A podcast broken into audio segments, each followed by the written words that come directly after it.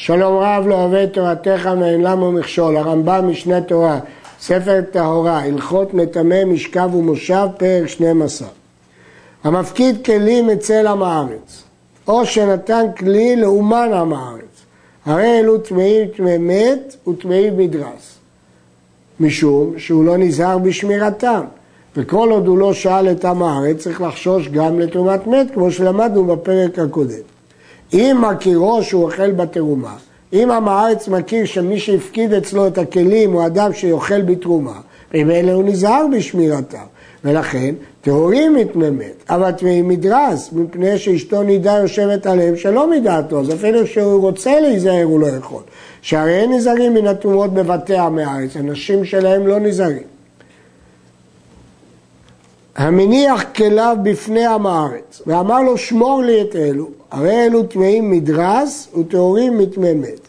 מפני שלגבי תרומת מדרס נחשבים הכלים ברשות עם הארץ, כי בקלות הוא יכול לדרוס עליהם.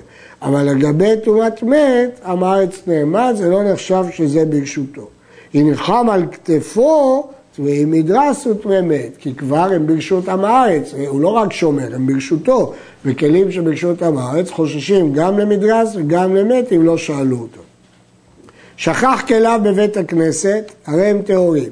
שאינה רשות עם הארץ גמורה, יש חברים בבית הכנסת. הניח כליו במרחץ, ובא ומצאן כמות שהם, שלא הזיזו אותם, טהורים. ומלמדים אותו שלא יעשה כן, שם עם הארץ יטמא אותו. הניח גיתו ובדו, יש גורסים ובורו, אף על פי שנכנס לעיר ומעבר מצא עם הארץ בצדו טהורים, מפני שאין לו רשות שייכנס, ולכן הוא נזהר. עם הארץ נזהר לא לטמא. המוסר מפתח ביתו לעם הארץ, כל שבבית טהור, שהוא לא נתן לו רשות להיכנס, לא מסר לו אלא שמירת המפתח, ועם הארץ פוחד להיכנס. המניח כליו בחלונות שבמרחץ ונעל עליהם, אף על פי שנתן המפתח לעם הארץ, כליו טהורים, כי הוא נעל עליהם. וכן אם חתם על החלון או עשה לו סימן, אפילו מצא החותם מקולקל, הרי כליו טהורים, אנחנו תולים שהתקלקל החותם מאליו, או שפתח אותו חבר ולא עם הארץ, כי עם הארץ נזהר. המניח עם הארץ בתוך ביתו לשומרו, הוא הכניס את עם הארץ לתוך הבית שלו, וישב הוא מרחוק. בזמן שהוא רואה את הנכנסים ואת היוצאים, הרי כל שבבית מן האוכלים והמשקים וכלי שאינו מוקף צמיד פתיל, טמאים, אבל המשכבות והמרכבות וכלי המוקף צמיד פתיל טהורים. הרמב"ם בפירוש המשנה מסביר. כיוון ש... זה משנה. כיוון שתאורת אוכלים ומשקים וכחייל שאינו מוקרב צמיד פתיל קל לטמות אותם, חששו לה גם במקרה שבעל הבית רואה. אך משכב ומושב וכלי חייל שאינו מוקרב צמיד פתיל, שהיא טומאה שקשה לטמות אותה, לא חששו.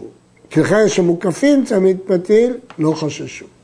ואם אינו רואה לא את הנכנסים ולא את היוצאים, כל שבבית טמא, אפילו היה כפות או כרות ידיים ורגליים, הכל טמא, פני שהם ברשות עם הארץ, איכשהו יכול להיות שהוא הסית או נגע בהם, ממילא גזרו על כך חכמים. חבר שאמר לעם הארץ, שמור לי פרה זו שלא תיכנס לבית, או שלא תשבר את הכלים, הרי הבית והכלים טהורים, שלא מסר לו אלא שמירת הפרה, הוא לא הרשה לו להיכנס לבית. אבל אם אמר לו שמור לי בית זה שלא תיכנס בו הפרה, וכלים אלו שלא תשברם, הרי הם טמאים כי הוא עשה אותו שומר, וכמו שלמדנו קודם, ששמור לי את אלו, הרי אלו טמאים מדרס.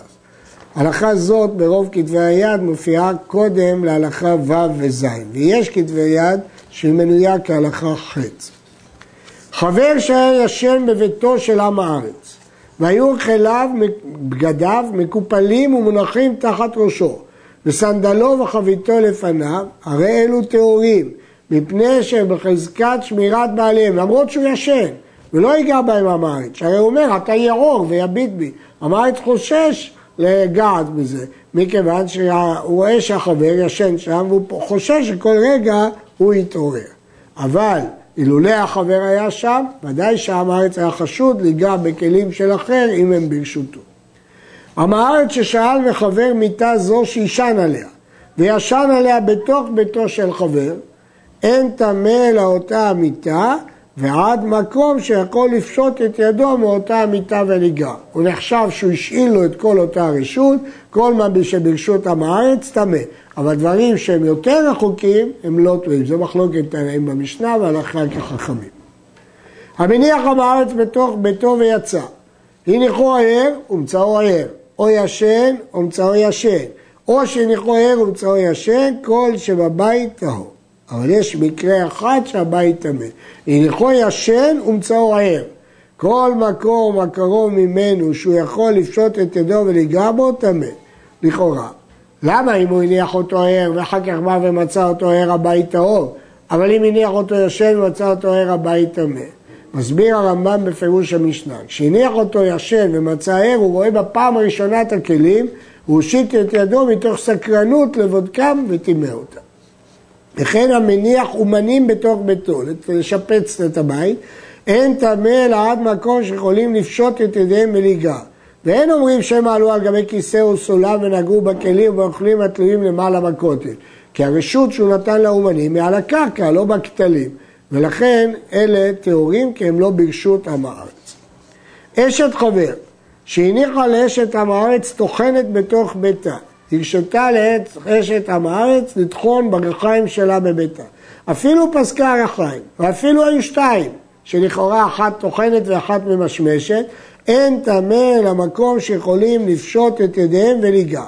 ואין אומרים שמא אחת טוחנת והשנייה בלשה כל שם הבית, שמא נתלת ועלת במקומות הגבוהות. יש שיטה כזאת במשנה, שהנשים אה, גרגרניות רוצות לראות מה חברתה מבשלת בגדרה והיא מחפשת ומהפכת, השמיע לנו לא, שלא חוששים אה, כי נתנה לה רק לטחון.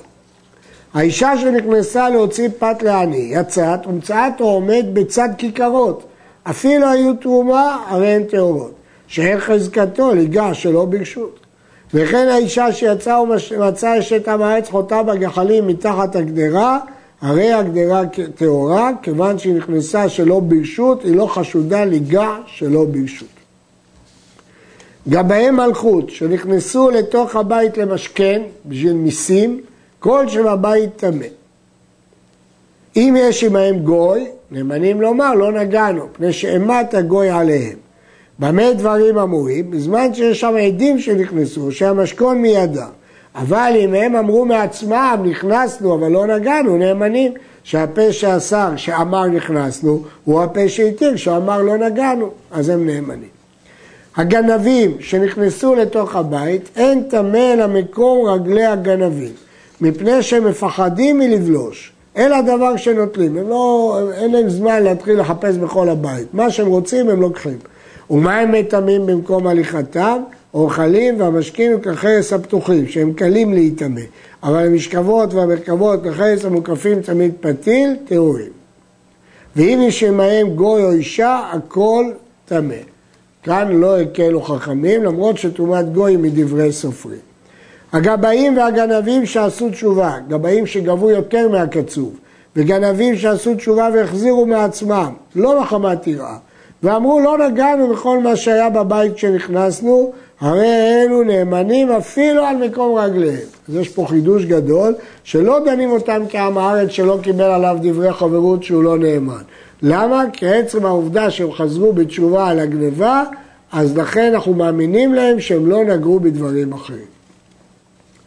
המניח את ביתו פתוח ומצאו פתוח, או שמצאו נעול, אפילו הינוחו נעול ומצאו פתוח ולא נגנב ממנו כלום, כל שבבית טהור. למרות שברור שמישהו פרץ פה את הדלת. שאני אומר, הגנבים פתחו, הם באמת פתחו את הפתח ונמלכו והלכו להם ולא נכנסו. עובדה שלא נגנב כלום מהבית.